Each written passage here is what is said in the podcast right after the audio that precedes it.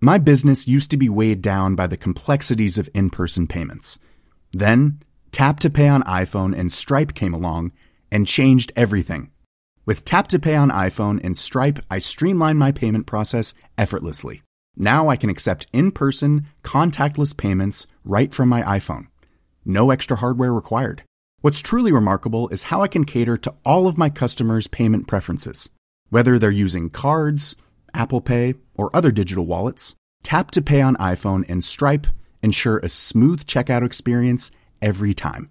And it's not just me. Stripe helps businesses of all sizes, from local markets to global retailers, scale quickly and stay agile. To learn how Tap to Pay on iPhone and Stripe can help grow your revenue and reach, visit stripe.com slash tap iPhone. Hans Petter og Co. presenteres av TrippelTex, det skybaserte økonomisystemet som gir store og små virksomheter full oversikt over økonomien. Prøv TrippelTex gratis du også, i 14 dager, ved å gå inn på trippeltex.no.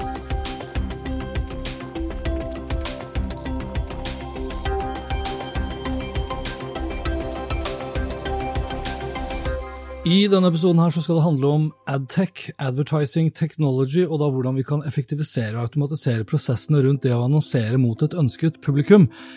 Og da skal det selvsagt handle om programmatisk. Og for å snakke om programmatisk annonsering, så tok jeg turen innom Marius Patracollo i Adform. Marius Patracollo er landsjef, eller country manager hvis du vil, for Adform i Norge. Og Adform er et dansk selskap som har holdt på med adtech siden 2012, og er faktisk det eneste globale adtech-selskapet som har hovedkontoret sitt i Europa. Og det er også helt sikkert det eneste som har det i Norden, Skandinavia og Danmark. Marius har lang fartstid med programmatisk annonsering og var med på å bygge opp programmatisk i Skipsted, før han gikk inn i Group M med ansvar for nettopp programmatisk.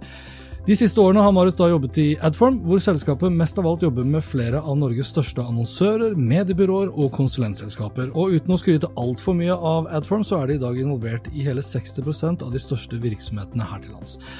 Uansett, en stadig større andel av annonsekjøpene i dag blir gjort programmatisk, om det da er på Google og Schibsted, og for så vidt også på Facebook.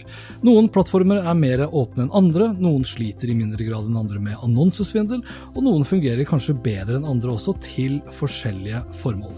Og selv om eh, ikke programmatisk er noe nytt, så er det fortsatt slik at kanskje ikke alle har en full oversikt over hva programmatisk er, og ikke minst hvordan programmatisk vil fungere nå i disse GDPR- og cookie-tider, og derfor begynte jeg med det spørsmålet først. Hva er programmatisk? Hvorfor er programmatisk fortsatt bra? Og hvordan har det blitt påvirket av GDPR og de nye cookie-lovene her i Europa? Men først det her. God fornøyelse. Jeg tror det er stor sannsynlighet for at du som hører på vil få behov for Check-in, et norsk påmeldingssystem som hjelper deg å bruke mindre tid på administrasjonen av ditt seminar eller konferanse, og mer tid på å skape det beste arrangementet. Check-in automatiserer mange av de administrative oppgavene og frigjør derfor tid, og nettopp derfor har virksomheter som Oslo Business Forum, Dagens Næringsliv, Netlife Design og Kreativt Forum fått en bedre hverdag etter at de valgte Check-in. Sjekk ut Check-in nå på checkin.no slash Hans Petter. Programmatisk henviser veldig ofte til eh, da man snakker om at, hvordan man bruker teknologi for å kjøpe annonser eh, gjennom eh, på en måte automatiserte prosesser, kontra den tradisjonelle metoden der man hadde typisk ringt en selger i VG Ja. og sa at du, jeg vil kjøpe en annonseplass eller en annonsebanner. Den skal gå fra mandag til mandag. Eh, jeg har 100 000 å bruke, vær så god. Og så spretter du det budskapet ut. Programmatisk handlet om muligheten for å faktisk pinpointe ditt budskap mot den brukeren du er interessert i nå. Så du dro ned waste, rett og slett, og du sluttet å kaste bort visninger Ja. på folk som ikke var relevant for deg. Men du kunne faktisk begynne å målrette annonsene mot de du skulle nå. Ok, Så du kan fortsatt da si at jeg vil, du kan ringe til VG og si at jeg vil kjøpe, jeg vil kjøpe programmatisk bare hos VG. Så det er ikke bare, er, For mange vil jo si at du vil kanskje da kjøpe deg en målgruppe, og så vil det spre seg på de nettstedene du har tilgang til, der hvor det publikummet ditt vil være. Ja, ja, du kan si det sånn. Ok, la meg snu på det. Eh, før når du kjøpte aviser eller du kjøpte radio eller kjøpte TV-reklame i Norge, så hadde Ja. du stort sett tre eller fire eller fem aktører å forholde deg til. Når internett kom, så ble medieplaner, altså de planene i forhold til hvordan du skal spre budskapet ditt, mye mer komplekst. Så hvor mange nettsider du typisk sett har på medieplan i dag, det kan være alt fra 20 til 30 eller 40. Så det å liksom måtte ringe 40 selgere da, for å koordinere kampanjen din, eller sende materiellet til 40 forskjellige steder, det blir liksom håpløst ineffektivt. Så programmatisk handler det i utgangspunktet om å automatisere den kjøpsprosessen. Der du sitter med kontrollen istedenfor å gi fra deg kontrollen til alle mediene. Så er det du som sitter liksom med hånden på, på joysticken og bestemmer hele tiden og optimaliserer din egen kampanje. Og det, og det gjør vi jo i dag når vi handler annonser på Facebook, gjør vi ikke det? Jo, Facebook er jo på en måte en programmatisk prosess. Du kan si Programmatisk startet eh, kanskje kjøpsmekanismen stammer tilbake fra når Google AdWords begynte. Ja. Det er en auksjonsbasert metode der du byr istedenfor Google på søkeordet ditt, så byr du på annonsevisningen. Og der søkeordet på en måte forteller hei, nå kommer det et søkeord som er eh, kjøleskap. Så får du en annonsevisning som sier hei, her er det en mann, kanskje interessert i dette og dette, kanskje han har familie, kanskje han har dette, og liksom flere forskjellige datapunkter. Og så sier du jo, dette er akkurat den brukeren jeg har lyst til å nå. Og hvilke, hvilke er de største liksom, eh, børsene for programmatisk i Norge i dag? I Norge det er Google Ad Exchange er den aller største, som er en annonsebørs. Eh, Det er de som har flest publisister i Norge. Og så har du Schibsted sin annonsebørs gjennom eh, Apnexus. Absolutt nesten like stor.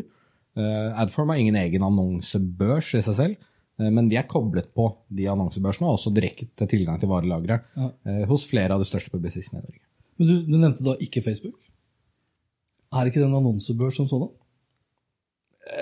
Jo, du Ja, men nei. Facebook er jo på en måte Jo, det har blitt en annonsebørs, for de har bygget et nettverk utenfor sin egen plattform, kan du si. Ja. Det er jo et nettverk utenfor Facebook i seg selv. Men jeg ville jo ikke omtalt Facebook på samme måte som jeg ville omtalt Skipsted. I forhold til nettside Altså sånn i forhold til kvaliteten på varelageret som det står for, i forhold til nettsidene det står for, for det som ligger bak. Jeg er jo usikker på om jeg er uenig eller enig med deg i akkurat det. Altså Facebook når jo veldig mange. Ja, Facebook er, ja, ja, La meg snu på det. da. Ja. Facebook er på mange måter egentlig ganske likt Google. Ikke Hvis jeg, hvis jeg kan snu på det på en annen måte, så sier jeg ok, nå er jeg en stor Nå snur vi jævlig mye Ja, rundt omkring. ja, det heter pivot, som alle går og babler om nå. ikke sant? Nei, men Hvis jeg tenker jeg er en stor annonsør, og så kommer jeg til Adform, så sier jeg at jeg ønsker å bruke nå 100 000 kroner på et budskap som er rettet mot en spesifikk målgruppe. Eh, og jeg har skrudd sammen budskap som jeg mener passer for eh, vertikalt på Instagram til horisontalt på YouTube og aviser osv. Og da sier Adform det fikser vi, og så gjør dere et eller annet magisk. Ja, du, kan si, du kan dele opp internett i tre deler. Ja, Det ene er Google, det andre er Facebook, og det andre er resten av internett. det er riktig. Fordi Google er sin uh, walled garden, Facebook er sin walled garden, Ja. og så har du alt det andre. Og de andre spiller åpent. Så vi kan operere på alt utenfor de lukkede økosystemene. Vi kan måle en del av tingene som skjer inne i økosystemene, men vi, har ikke, vi får ikke plassert annonser inne i Facebook, f.eks. Fra vårt system. Nei, det Det er det bare Facebook som gjør. Ja, ok. Så Ikke sant? Hvem er det som kan kjøpe YouTube? Det er bare Google. Du får ikke lov til å kjøpe YouTube fra noen andre enn Google. Nei, nei, nei men det var ikke noe API inn mot deres publiseringsverktøy? Nei, nei, nei. Det er ingen som har det. Det er derfor eh, Det er jo den store diskusjonen når du begynner å se på hvorfor du nå har liksom antitrust-sakene som ruller opp i USA. Ja. Det er jo effektivt sett et monopol. De er den eneste som har lov til å kjøpe sitt eget varelager. Så da er de samtidig Nå skal ikke jeg rante om Google, for det, det blir litt feil, men? Det, det er de som styrer kjøpsplattformen, og det, og det er de som styrer salget. Og det er de som eier mediet. ja, det er en sånn Ikea-modell. De eier egentlig hele økosystemet sitt. Det Ja, det- det gjør de. Ja. Ja. Det er jo ikke så populært lenger. Men, men altså når du er inne på Google eh, Amedia som et mediehus bruker jo Google, Ja. mens Schibsted bruker opp Nexus. Mm. Hva, hva er i praksis liksom forskjellen for ditt vedkommende når det kommer til annonsørene da? Nei, altså våre annonsører som bruker vårt verktøy, kan kjøpe begge steder. Ja. Så det er egentlig ingenting. Det er liksom bare hvilken teknologi er det du har valgt for å tilgjengeliggjøre dine annonsevisninger. da. Schibsted har valgt én retning, som jeg var med på en gang i tiden, og Aller A Media har valgt, valgt Google-retningen. Ja. Eh, og det ja. Er, no, er det i praksis noe stor forskjell på de to? Sånn, eh, noen vil jo hevde at eh, den ene plattformen har kanskje større problemer med annonsesvindel enn den andre. Altså det kan du si, Google består av eh, gud vet hvor mange millioner eller milliarder nettsider. Eh, Det sier seg selv at det er vanskelig å ha kontroll på. Ja. Eh, AppNexus eh, ble jo bygget med en større grad av kontroll fra starten av. Hensikten var ikke nødvendigvis å bli, ha flest mulig nettsider tilkoblet seg. Nå skal ikke jeg gå inn på om den ene er mer utsatt for annonsesvindel enn den andre. Det er nok fordeler og ulemper på en måte å jobbe med det ene systemet eller den andre. Adform er jo også noen som leverer den type tjenester med å tilgjengeliggjøre annonsevisninger. annonsevisninger. Så Niro f.eks. bruker vår teknologi. Ja, for, altså jeg spør, fordi det er jo, Hvis du ser på kampanje og mange av de diskusjonene som pågår der, som handler om tillit og transparens, bl.a. når det kommer til nettopp da, digital annonsering, så, så ser du at det er en slags eh, Det er en slags det er en manglende tillit på, mot plattformleverandørene. eh, I en viss grad mot mediehusene, i en viss grad mot eh, mediebyråene og i en viss grad mot uh, reklamebyråene. Og tror- alle skylder på hverandre omtrent. eh, Ja, altså At det er noen grad av mistillit i et marked som endrer seg så mye som det har gjort her, Ja. der kunnskapsgapet har blitt såpass stort. Det er mange som tror de kan noe uten å egentlig forstå byggestenene til internett, da, forstå hvordan internett faktisk er bygget opp. Ja. Når du forstår det, så kan du på en måte lettere prøve å se gjennom systemene eh, for å forstå hva som skjer.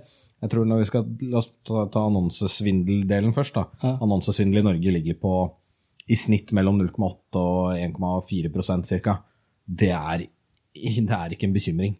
Nei, ok.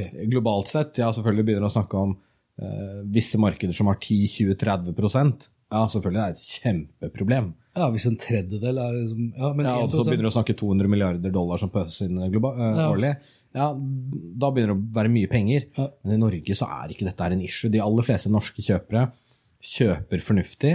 Eh, Etter hvert, som jeg har sett en endring i, og er veldig glad for de siste par årene, så har norske annonsører sett verdien av norske publisister, og ser verdien av å støtte disse, sørge for at de sammen kan skape gode annonseprodukter, og velvillig dytter pengene sine i den retningen. Det tror jeg jo veldig på og står veldig sterkt for. Okay. Fordi vi er avhengig av det norske mediemangfoldet. Vi kan ikke bare sitte igjen med Google og Facebook som our source of truth. Det, det funker ikke. Nei. Det blir liksom eh, Du sitter i en skruestikke, da. Ja, og det, ser, og det har jo ikke noe med Adform og, og programmatisk å gjøre, men vi ser jo det på andelen nordmenn også som er villige til å betale for nyheter. Heldigvis er den høy, Ja, heldigvis er den høy. og det er uh, viktigere enn noen gang, tror jeg. Spesielt den overgangen. ikke sant? Der du ser, ser på Ta Schibsted, ta print, da, dritt i publisisten, men ta print, eh, printmarkedet, som har falt liksom som en bombe sant, de siste ti årene. Man har prøvd så godt man har klart for å ta igjen de inntektene digitalt. Annonser har ikke vært og skulle aldri være den eneste løsningen for å ta igjen de inntektene. Nei. Så ser du nå på jobben som Tor Jacobsen har gjort i Schibsted, bl.a. med eh, abonnementsbasen og digitale abonnenter. Det er jo utrolig vakkert å se. Ja, men det er jo vakkert å se at vi omfavner de publisistiske produktene som vi faktisk har. Og at de også klarer å skape verdien som gjør at vi gidder å betale for det. ja, jeg er helt enig. At det ikke bare er sex og hor-saker. Nei, gud forby. Selv om, Siden vi snakker åpent her. ja, selv om det, altså det kom jo Jeg, jeg var, kom fra et skipsstedarrangement her nå i sted, og da eh, Da var det vel snakk om at bortimot halvparten av alle norske sidevisninger kommer fra et eller annet skipssted. eh, En eller annen Schibsted-plattform, verktøy, nettside, avis osv. Det stemmer nok veldig fort, og det er jo spesielt også fordi Finn er en så vanvittig trafikkmaskin. De skaper enorme Og VG, vi skal ikke glemme VG. Ja, ja, absolutt. Men? VG er jo en sånn eh, Du går inn og sjekker x antall ganger om dagen, og så leser du kanskje i snitt jeg vet ikke, 10-15 saker dette er av VG-data på. Ja, ja. Men går du inn på Finn og først begynner å lete etter noe, Ja. så klikker du deg gjennom ganske mange annonser. Ja, det gjør jo Ikke det. sant? Og det genererer mye sidevisninger. Poenget mitt var bare at siden du snakka om shit og hos, så var det sånn Pornhub kommer like etter. Ja, det overrasker meg ikke. Det Ja, overrasker vi meg ligger ganske høyt i Europa når det kommer til akkurat den siten der. Det var dagens lille Digresjon. eh, Dagens lille digresjon og reklame. Men eh, når vi snakker om tillit og, og, og transparens, Mm. hvordan har, eh, hvordan har liksom programmatisk eh, fått det etter eh, GDPR? Um, Programmatisk har kun hatt det bra av at GDPR blir innført. Ikke sant? I utgangspunktet så Men det var sånn- masse bråk, sånn skipsstemmessig så var det masse bråk knytta til hvem det var som skulle ta ansvaret for, eksempel, for samtykke etc. Og det, er- men du kan si, det, det var vanvittig viktig og veldig bra at denne diskusjonen kom opp, og spesielt da, også for en aktør som, som Adform, da, som er, ikke sant? vi er europeiske. Vi sitter i, med et hovedkontoret vårt i Danmark. Vi har på en måte, dette er vårt tilholdssted, Ja. og vi opererer alltid etter europeisk lov. Mens alle de andre store adtech-gigantene de sitter på andre siden av andedammen og kan på en måte ha et mye friere spillerom. Vi har vært opptatt av å se på reguleringer som ivaretar både ditt og mitt personvern, men samtidig også ivaretar markedsplassen som eksisterer. Eh, og det er veldig viktig at Europakommisjonen og e-privacy GDPR de har aldri, og ICO eller noen av datatilsynene, sånn som vi har lest og deres uttalelser, de har aldri hatt til hensikt av å ta, ta livet av en hel liksom, annonsedrevet bransje. De har aldri hatt til hensikt å drepe Adtech. De har hatt hensikt å regulere som gjør at vi får vekk mye av det rusket som tross alt finnes i den bransjen her. Jeg, jeg hadde jo en mistanke til å begynne med at kanskje GDPR kunne være mest av alt bra for de store Wall Gardens-aktørene, som f.eks. av Facebook. Ja, og det kan du si at eh, de kommer nok ikke uheldig ut av det, for de får være med å sette spillereglene i ganske stor grad. Ja, og du ser jo sånn Rent økonomisk så har jo ikke akkurat de blitt belastet av, Av noen ting. av noen ting. nei, nei det, er, eh, det er litt det samme som at Volkswagen selger flere biler enn de noensinne har gjort. det. Ja, Selv om de jugde litt på diesel. For det, er, det er korttidsminne. Nei, men fra spøk til alvor så, så har det vært enormt viktig at man rydder opp på en måte i hvordan data distribueres på nett. For det har funnet utrolig mange aktører eh, som man ikke har hatt noe kjennskap til, som ligger liksom i bakhånd på en eller annen annonse, eller ligger i bakhånd for at du har et eller annet widget på nettsiden din som om det er en Facebook-widget eller om det er et spørreskjema du plutselig har lastet inn, som sitter og drar ut personlig informasjon. Det har vært enormt viktig for å få oppmerksomheten rundt at hvis du eier en nettside og finner et gratis verktøy på internett som du vil legge til på nettsiden din, det er ingenting som er gratis.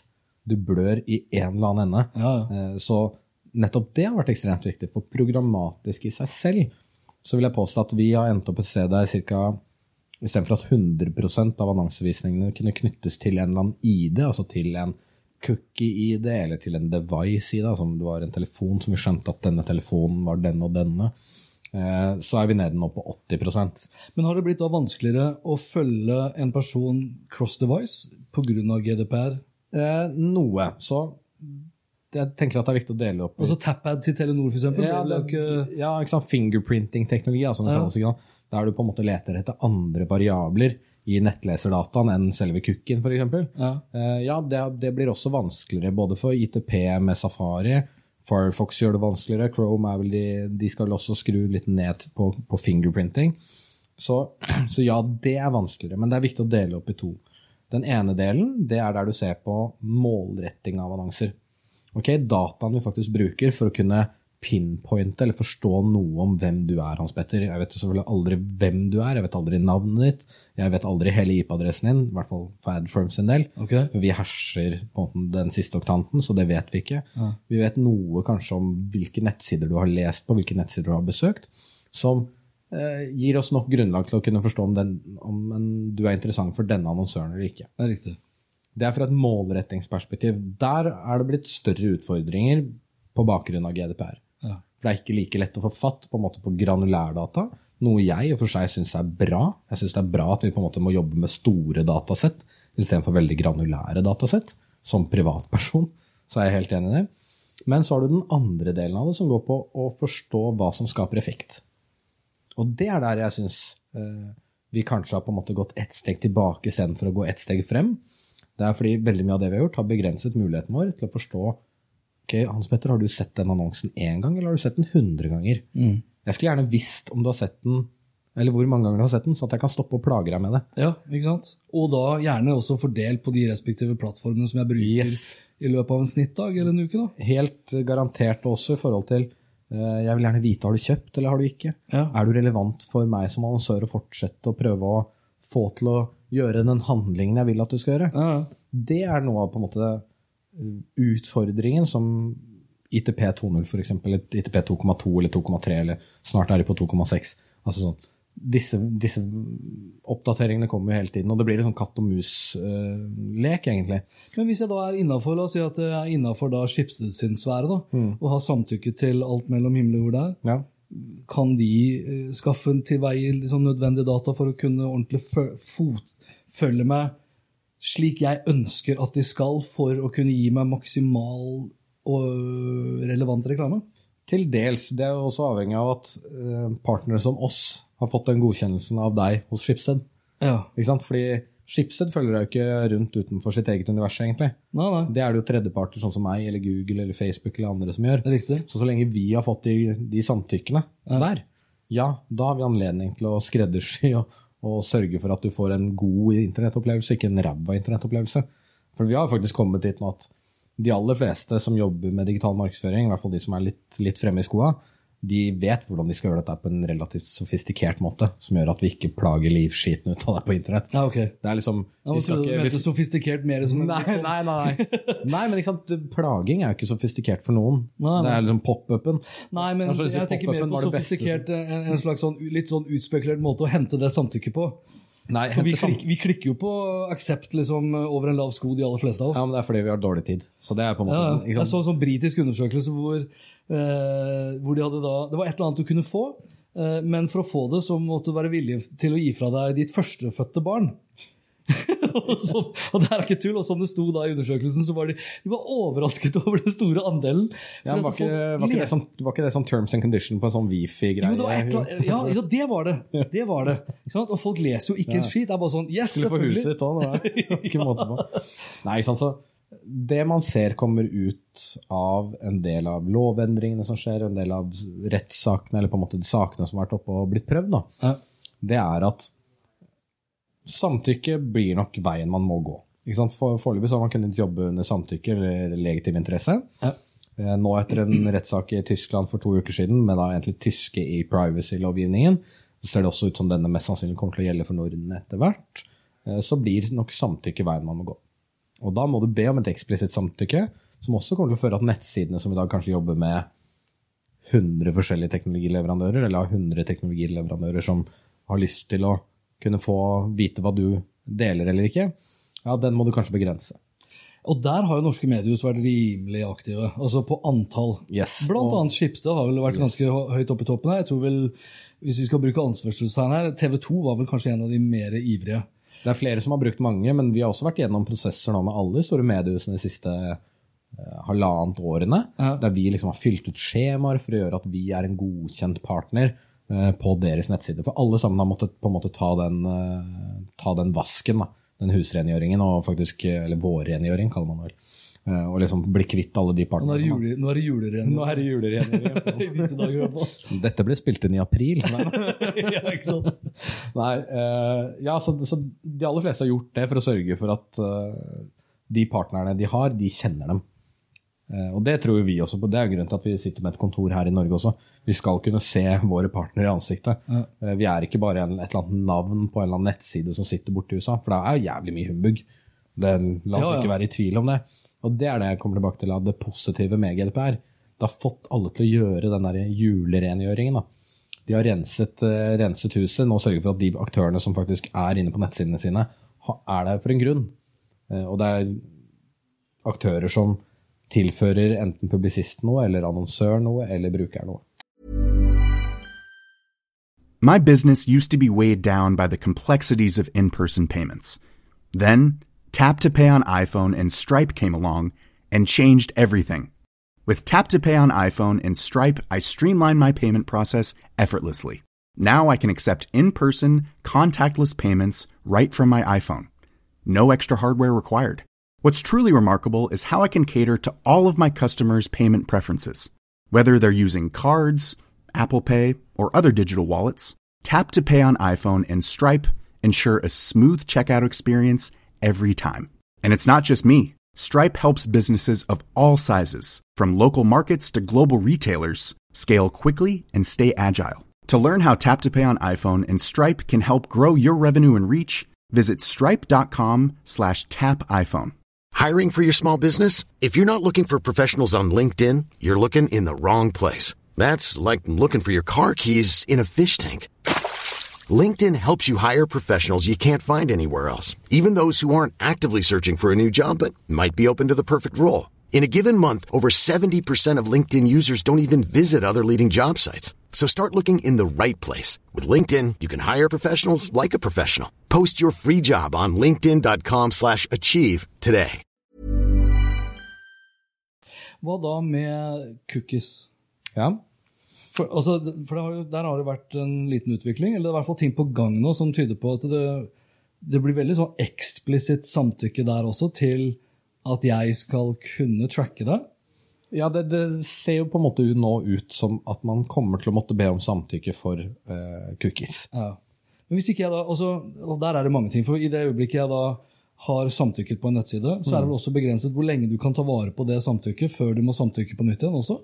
Ja, det varierer litt. Du kan si det, det er vel to forskjellige på en måte Hvis du ser på ISIL i Frankrike og ICO i England, så er det de eneste som egentlig har gått granulært inn og sett på hvor lenge en cookie skal få lov til å leve. Mm. Da mener jeg at det er, er 12-15 måneder. de Og det er såpass lenge? Ja, så det er såpass. Ok. Eh, Og det er jo egentlig fordelaktig for deg som bruker, at den får leve en stund. Ja.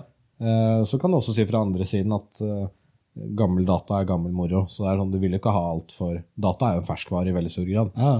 På ja, Og du skal jo ikke lagre data lenger enn strengt talt nødvendig, Nei, men alt det er jo også selvfølgelig da det, er veldig, det er fortsatt veldig åpent for tolkninger, da. riktig. Og det, er det burde det være. Ja, og det er jo samme i privacy-lovgivningen, da, som den nye som skal komme. Eh, man antar vel at sant, siste høring, siste iterasjon av den nå, er vel rundt begynnelsen av 2020. Og så er det jo 24 måneder grace period før det på en måte må være implementert. Så man har ganske god tid her. Vi snakker om kanskje midten av 2022, da, eh, som man må ha tatt hensyn til. Og prøvd og feilet litt, kanskje, for å komme seg frem til hva som er riktig svar. fordi foreløpig er det altfor mye som er åpent eh, for tolkning. Og det har det vært med alt som har vært gjort i EU-domstolene rundt omkring også. Du har noen saker fra Østerrike, noen fra Sveits, noen fra Nederland, noen fra Polen. Og alle sier egentlig litt forskjellige ting. Ja. Ja, Det ser man jo også på implementeringen på norske nettsider. også. Noen er jo såpass strenge at du får ikke se noe av innholdet før du har samtykket. Mens andre så kan du egentlig bare sjekke det vekk, og du får fortsatt se. Og, og enkelte har, inkludert undertegnede, har for så vidt egentlig bare lagt en lenke til, til liksom personvern, og så forklarer jeg hva det er jeg gjør. Det siste tror jeg vel ikke er Den kommer nok ikke til å fly så veldig mye lenger. ikke Nei, sant? ikke sant? Så jeg også må komme opp da med annen, et innstikk et eller annet som da popper opp. da. Er en consent management-plattform, Ja. en CMP på en eller annen måte, som eh, gir deg god nok informasjon til at du forstår hva du egentlig takker ja til. Og det er jo sånn som, hvis jeg som privatperson sier òg, de aller fleste av disse måte, alternativene man får opp på internett i dag, de er ikke gode nok. Ikke sant? Er Enten så er alt sjekket på at eh, alt er allerede sjekket på ja. De aller færreste har alt sjekket på nei. Som, det Som er kanskje er det ikke det? Ja, det er vel kanskje egentlig det man skal gjøre. Ikke sant? Så, Ja. Altså aktivt samtykke. Aktivt samtykke, du skal aktivt skru på liksom ja. 'jeg vil bli overvåket'. Det sier jo ikke så, Sånn er det jo stort sett ikke. Men så tror jeg liksom, neste steg er jo på hvor skal dette ende. da, For vi er jo avhengig av liksom, Rundt 50-60% av inntektene til globale medier er drevet av egentlig førstepartscookies. Drevet av at man klarer å verdiøke en, annons en annonsevisning. Hvis ikke så er det på en måte du kjøper bare en, et blankt vindu. Kjøper et vindu et eller annet sted, du aner ikke hvem som går forbi det. Men ok, vi håper at det var et bra sted å stå. De er på en måte, Internett har gjort at vi har kommet for langt til at vi kan gå, gå tilbake dit. Så det neste steget er å se på ok, hvordan klarer vi å skape felles ID-er som jeg som bruker kan akseptere, der jeg har full kontroll over hva jeg takker ja til, og samtidig som en hel bransje egentlig kan dele på. Så at du slipper å få alle disse eh, walled gardens-alternativene som på en måte blir stående som veldig sterke fordi de har sine ID-er. Og så har du resten av internett som prøver å finne ut av men faen, hvordan skal vi ha våre ID-er. Um, og da er det jo flere ID-konsortiums, som man kaller det. I Finland så har fire-fem av de største publisistene gått sammen, eh, basert på innloggdata, og skapt nå et alternativt ID for internettet da, i Finland. Okay. Det er litt det Hva samme betyr som det i praksis, egentlig? Det betyr at eh, ta SPID eller AID da, Ja. kunne vært felles-ID-en din på internett i Norge. Ja, Det er litt sånn AS Norge som Schibsted snakket om for en del år siden, der man ville prøve å skape dette Felles pålogging for alle. ja, en, ja, en, Kall det gjerne en felles pålogging, men en felles ID. Fordi du kommer til å måtte ha en eller annen ID på internett. Så enten så kan man ta kontroll over hvordan den ID-en skal se ut og behandles og spres, eller så bare blir det skapt en ID for deg som du ikke har kontroll over. Adform er involvert i en fem-seks forskjellige initiativer på europeisk, eh, på europeisk perspektiv. Eh, Og vi er også involvert i de lokale, perspektivet, lokale initiativene, f.eks. i Finland, i England, i Tyskland, eh, for å se på hvordan vi skaper disse alternativene på en best mulig måte. Fordi vi har alt å tape på at det bare blir Google og Facebook som står igjen og kan identifisere deg på nett. Ja. Hvis de er de eneste som kan fortelle deg hva som skapte verdi eh, til en annonsør, så taper alle andre. Og det er vi ikke tjent med. Nei. Og det er vel ikke så veldig mange som strengt talt er interessert i heller, håper jeg? Nei, bortsett fra de to, selvfølgelig. ja, det skulle jo bare mangle. Men nå har du jo liksom, som sagt, nå har du jo antitrust, liksom, flere undersøkelser som skjer både i USA og i Europa, for å se på hvordan er det egentlig dette skal se ut fremover. Jeg tror jo veldig på ID, det, altså dette ID-konsortiumet som jeg nettopp beskrev, fordi jeg tror at det gir både meg som privatperson en eller annen følelse av kontroll, samtidig som det skaper et økosystem som og støtter opp under et økosystem som vi egentlig er ganske avhengig av for at vi skal ha dette eh, mediemangfoldet som vi, som vi tross alt er ganske stolte og glade av at vi har i Norge. Vi har snakket mye om Apple og, og Facebook. Mm. sorry, mye om Facebook og Google. Eh, du, var, du nevnte det kort i stad, Safari. Ja, det tipper jeg en del er litt sånn interessert i å vite litt mer om også. fordi jeg vet ikke, Har de skrudd på? Men de skal liksom egentlig gjennom Safari blokkere alt som heter cookies. Det gjør de. Det gjør det? Ja, ja, de gjør det. Så eh, ok, la- vi kan ta. Safari de blokkerer cookies i dag. Gjennom ITP 2,3 tror jeg nå er det siste. Ja. Um, Firefox blokkerer cookies til en viss grad, og også fingerprinting-teknologi. Okay. Som gjør at sant, om igjen, du leter etter alternative måter for å identifisere brukeren. Ja. Uh, Chrome de blokkerer ikke, de blokkerer ingenting foreløpig, men de skal gjøre det lettere for deg å slette tredjeparts-cookies. Altså Google er vel minst interessert i å hindre noe som helst, for det Altså, de kan, uh, uten at jeg skal ta ordet til Jan Grønbekk og sånn men Ja. å si at hvis Google går inn og begynner å blokkere tredjeparts-cookies, eh, det betyr egentlig da alle konkurrentene sine, samtidig som antitrust, Ja. det vil det, Det er jo som å be om å bli eh, Ja, det- tiltalt holdt jeg på å si, til å møte opp i Kongressen. Og de skal også ha, for at sant, de har sluppet noen undersøkelser der de også viser hvor viktig tredjeparts-cookies er for den digitale økonomien, Ja. og for at den skal fungere. De skjønner jo at de ikke de kan ikke eie hele markedet alene. Men, men Apple er sier bare at vi blokkerer cookies all together. Yes, Apple har jo tatt på en måte privacy-standpunktet veldig sterkt, og det er veldig mye som er bra i det. La oss være helt enige om det. Men man kan jo spørre seg om det er noen, hvilke tanker er det som ligger bak her et eller annet sted, for de skaper jo også bare sitt eget lukkede økosystem. Eh, De gikk jo vekk fra å selge annonser for, for noen år siden. Eh, Hvem vet hva som kommer tilbake? Men er det ikke ja, altså, Ut ifra sånn programmatisk ståsted da, Mm. hvor, hvor, hvor godt blir tilbudet da? liksom? Altså, Hvor god blir brukeropplevelsen? For Da er vi jo egentlig ned på en brukeropplevelse. Ja. Så det er da på en måte man må begynne å jobbe med alternative teknologier, sånn som Ja. vi også gjør. ikke sant? Vi finner måter for å omgå disse i da ITP, ITP 2,3, sånn som alle andre adtech-selskaper gjør, egentlig, som gjør, at vi til, som, som gjør at vi ikke mister alt. Så jo, vi mister ganske mye av målrettingen. Det som på en måte gjør at vi faktisk klarer å levere et relevant budskap til deg. Ja. Det mister vi i ganske stor grad, men vi har klart å beholde Det som er enda viktigere, er at vi klarer å beholde rapporteringen. Så vi klarer fortsatt å vise liksom, ok, men vi har eksponert deg så mange ganger, eller vi kan faktisk gjøre noen analyser i- etterkant som gjør at vi ikke fucker bruktopplevelsen totalt. Vi peprer i hvert fall ikke 1000 ganger med irrelevante annonser. Vi kan forstå om vi har pepra deg 10 eller 20 eller 30 eller 40 eller 5. Så okay. målingen klarer vi til dels, og da sier jeg til dels, fordi det er som eh, sånt katt og mus-race. Så hver gang de gjør en endring, så må hele bransjen hoppe og prøve å se på okay, hvordan klarer vi å jobbe rundt det. Ja. Inntil vi har en bransjestandard på plass. Vi trenger det ID-konsortiumet. Så vi, som- vi gjetter litt mer enn det vi egentlig burde, da. Dessverre. Og det er jo en situasjon som alle står om dagen. Google er like utsatt for ITP som alle andre innenfor Ja. tech. Men er det her et globalt issue, eller er det mer Europa? Hvor, Globalt. Globalt. Men selvfølgelig, et, vi skal være såpass ærlige om at markeder som har veldig høy kjøpekraft, der Apple har en mye sterkere markedsandel på browsernivå på, på mobilbruk, ja. så er det større problem. ja, ikke sant? Er det noe lys i tunnelen der, da?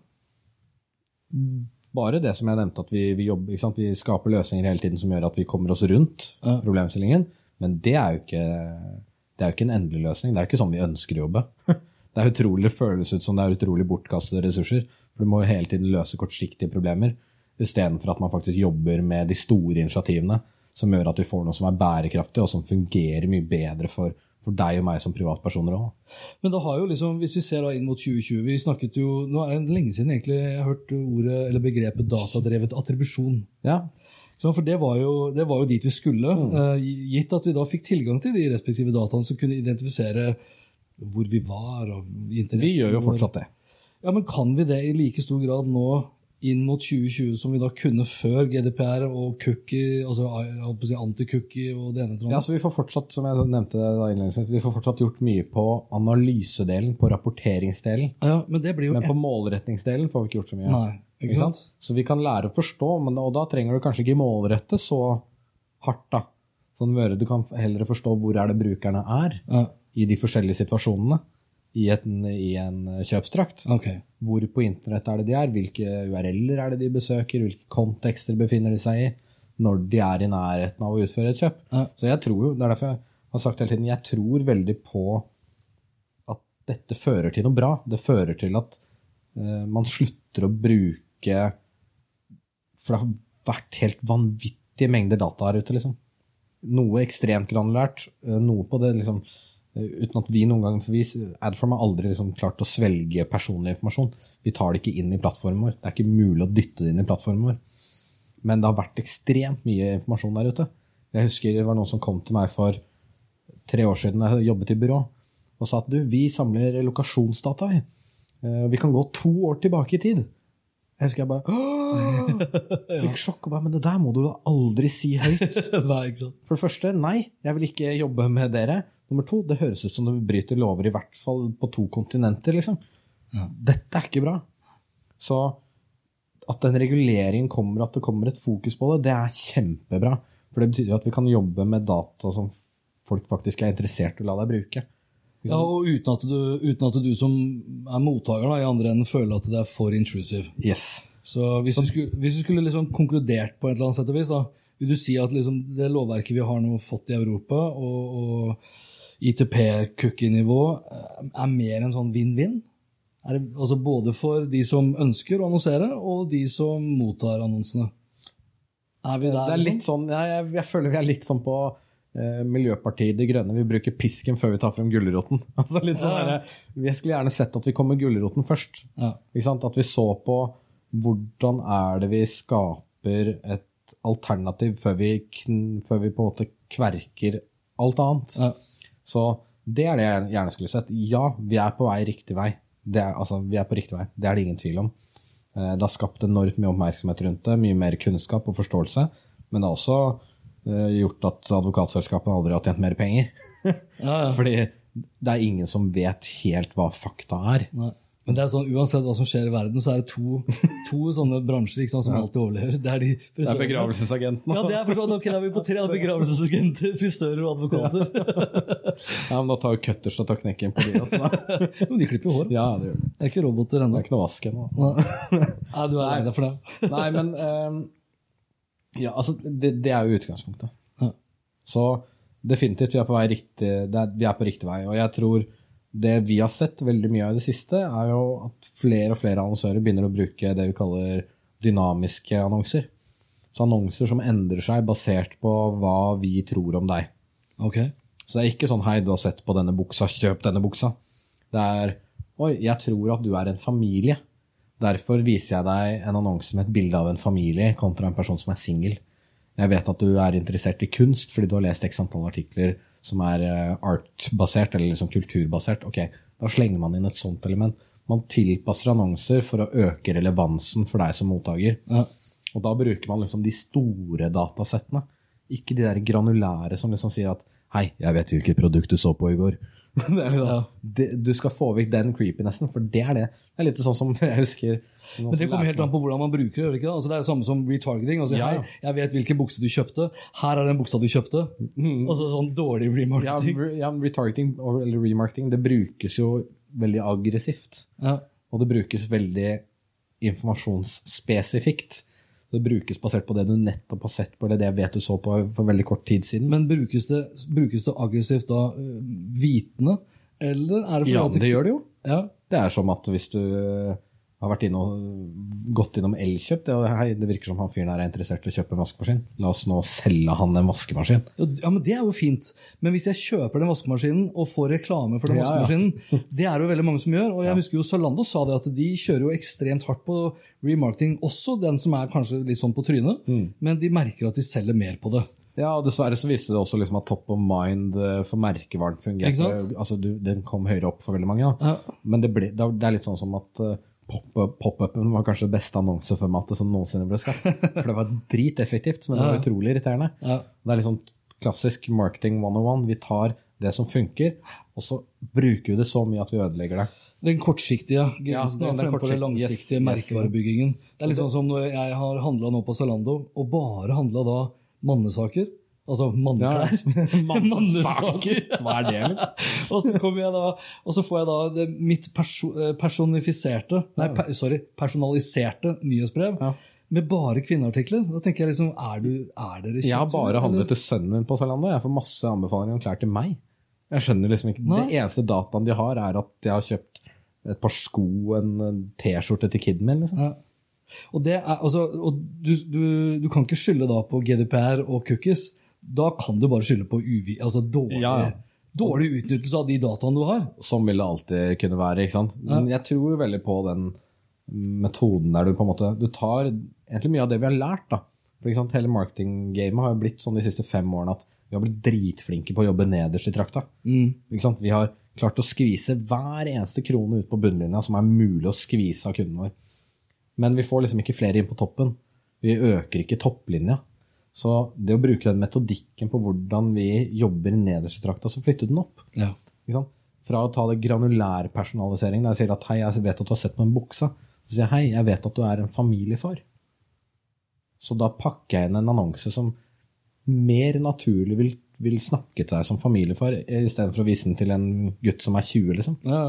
Det er det jeg tror på en måte. Det øker sannsynligheten for oppmerksomhet eh, og mottagelse. Eh, Og det vi ser når folk bruker denne metoden riktig, altså dynamiske annonser, det er at de må vise færre annonser for å få ønsket handling, som betyr mindre annonsestøy, mer relevans for deg som bruker, stort sett en bedre pris til publisisten, så det er, liksom, det er en vinn-vinn for alle i økosystemet. Fordi for at dette skal funke, så er vi avhengig av at, at avisene tjener penger på det. Vi er avhengig av at vi har produkter som funker for annonsørene, og vi er avhengig av at det funker for oss som sluttbrukere. Men er det budskap som du holder for en tom kirke, eller hvor, hvor er vel, hvor Nei, har du kommet der? Ikke, ikke lenger. altså, jeg har snakket så mye om dataeierskap, f.eks. Jeg har snakket veldig mye om disse tingene. Ja. Men nå begynner vi endelig å få liksom, en markedsbransje som, som begynner å bli glad i disse tingene. De er glad i å gjøre gode ting. Da. Og vi er veldig heldige, Hans Petter. Vi jobber i Norge. Norge er generelt sett, markedsføringsbransjen i Norge også, er top notch internasjonalt. Vi er utrolig flinke på å gjøre det vi skal gjøre. Men selvfølgelig, som alle andre steder, så, så, så kan vi alltid gjøre ting bedre. Innføringen av GDPR og et stadig større krav fra EU om å kreve samtykke for å spore og trekke oss, har ført til at det blir stadig vanskeligere å treffe målgruppene med relevant innhold. Og det er på den ene siden bra for personvernet, men det er mindre bra for kontekst og relevans. Men det er på ingen måte kroken på døra for programmatiske annonsekjøp. Og det var det for denne gang. Likte du det du hørte og vil forsikre deg om at du får med deg de neste episodene, da kan du bl.a. abonnere på Hans Petter og Co. på Apple Podcaster. Ellers er podkasten også tilgjengelig på Spotify, Google Podcast, Overcast, Acast og TuneIn Radio. Inntil neste gang, vær nysgjerrig, for det er den beste måten å møte vår digitale fremtid på. Hans Petter og Co. presenteres av TrippelTex, det skybaserte økonomisystemet som gir store og små virksomheter full oversikt over økonomien. Prøv TrippelTex gratis du også, i 14 dager, ved å gå inn på trippeltex.no. Planning for your next trip? Elevate your travel style with Quince. Quince has all the jet setting essentials you'll want for your next getaway, like European linen, premium luggage options, buttery soft Italian leather bags, and so much more. And it's all priced at 50 to 80% less than similar brands. Plus, Quince only works with factories that use safe and ethical manufacturing practices. Pack your bags with high-quality essentials you'll be wearing for vacations to come with Quince. Go to quince.com slash trip for free shipping and 365-day returns. My business used to be weighed down by the complexities of in person payments. Then, Tap to Pay on iPhone and Stripe came along and changed everything. With Tap to Pay on iPhone and Stripe, I streamline my payment process effortlessly. Now I can accept in person, contactless payments right from my iPhone. No extra hardware required. What's truly remarkable is how I can cater to all of my customers' payment preferences. Whether they're using cards, Apple Pay, or other digital wallets, Tap to Pay on iPhone and Stripe ensure a smooth checkout experience every time. And it's not just me. Stripe helps businesses of all sizes, from local markets to global retailers, scale quickly and stay agile. To learn how Tap to Pay on iPhone and Stripe can help grow your revenue and reach, visit stripe.com slash tap iPhone.